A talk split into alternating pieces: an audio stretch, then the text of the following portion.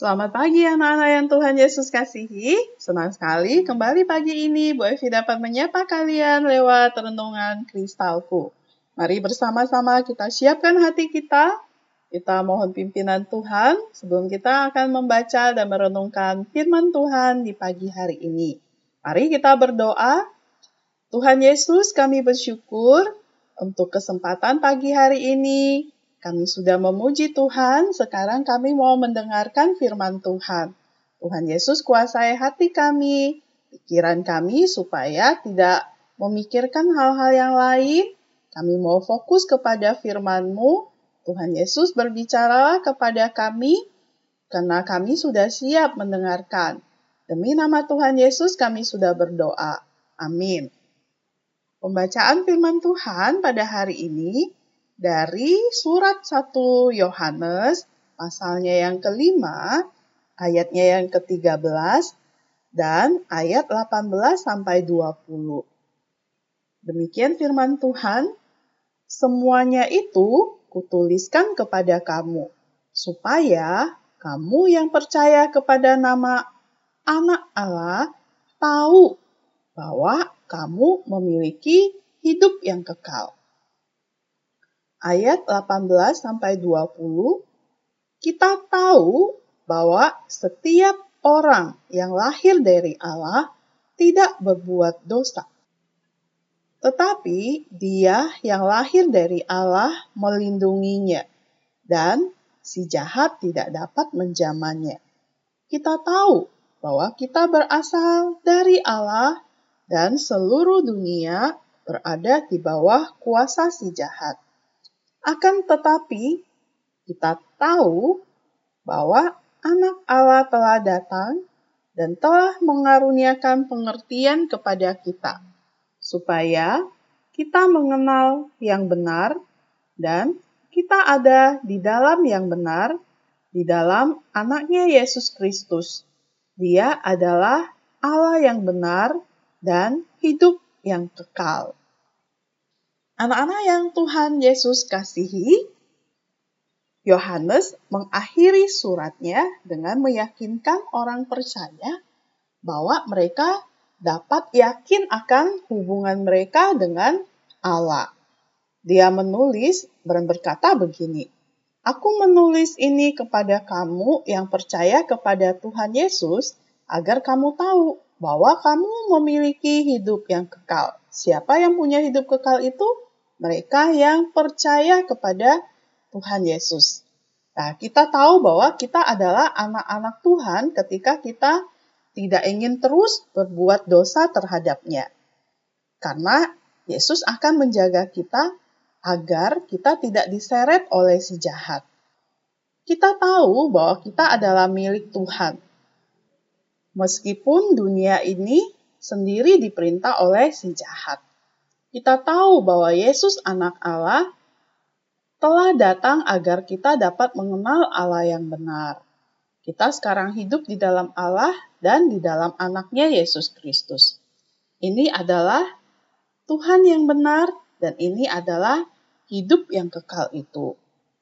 Nah, anak-anak yang Tuhan Yesus kasihi, bagaimana saya dan kamu tahu bahwa kita telah diselamatkan? Pernah nggak kamu bertanya-tanya, bagaimana kamu bisa benar-benar yakin akan masuk surga? Ada banyak hal yang bisa membuat kamu ragu, bukan? Bisa jadi itu adalah sesuatu yang kamu dengar dari seseorang. Bisa jadi kamu tidak merasa dekat dengan Tuhan, atau mungkin kamu merasa tergelincir dan melakukan hal-hal yang salah. Atau mungkin kamu terus jatuh melakukan hal yang salah yang sama dan melakukan hal-hal salah yang lainnya lagi. Tuhan tidak mengharapkan kita untuk hidup tanpa dosa dan tidak pernah terjatuh. Ketika kita menaruh iman kita di dalam Dia, dia membuat kita sempurna oleh darah Yesus. Kita adalah orang berdosa yang diselamatkan oleh kasih karunia Allah. Efesus 2 ayat 8, Sebab karena kasih karunia kamu diselamatkan oleh iman, itu bukan hasil usahamu, tetapi pemberian Allah.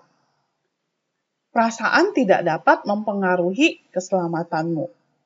Jika kamu telah memberikan hidupmu dengan sungguh-sungguh kepada Tuhan dengan iman, kamu dilahirkan di dalam keluarga Allah dan kamu akan menjadi anak-anaknya. Bahkan ketika itu tidak terasa seperti demikian.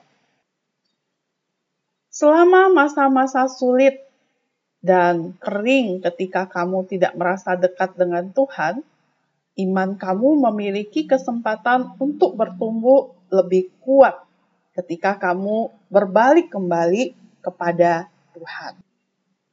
Oleh karena itu, kita jangan mengandalkan perasaan kita. Percayalah apa yang Tuhan katakan lewat firman-Nya. Ingatlah, iman timbul dari pendengaran dan pendengaran oleh firman Tuhan. Roma 10 ayat 17. Oleh karena itu, penting sekali setiap hari kita membaca dan mendengarkan firman Tuhan. Karena itu yang akan membuat imanmu bertumbuh dan imanku juga. Demikian firman Tuhan, mari kita berdoa. Terima kasih Tuhan Yesus untuk anugerahmu di pagi hari ini.